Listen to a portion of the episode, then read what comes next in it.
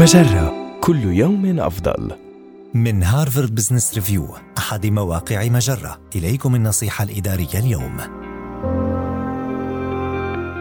لا تدع الثقافة المضرة تفسد فريقك.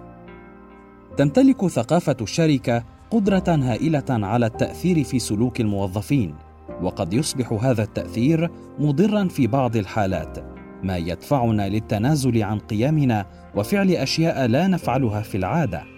قد لا تستطيع تغيير ثقافة مضرة بمفردك ولكن هناك خطوات يمكنك اتخاذها لوقاية نفسك من آثارها.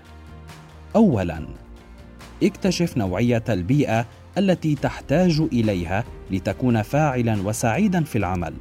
اسأل نفسك أي من قيمك سقط ضحية ثقافة المؤسسية المضرة؟ هل تشعر بالصحة البدنية والرضا النفسي؟ هل أنت فخور بسلوكك مع زملائك؟ ثم تحدث بعد ذلك إلى زملائك في الفريق حول الثقافة التي تتمنون جميعا أن تعيشوا في كنفها.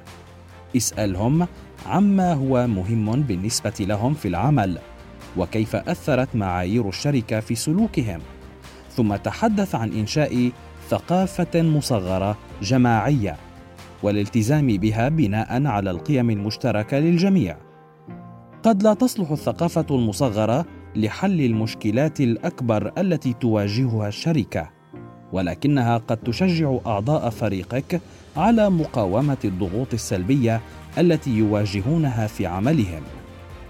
هذه النصيحة من مقال امنع الثقافة المسمومة في مؤسستك من التأثير على فريقك.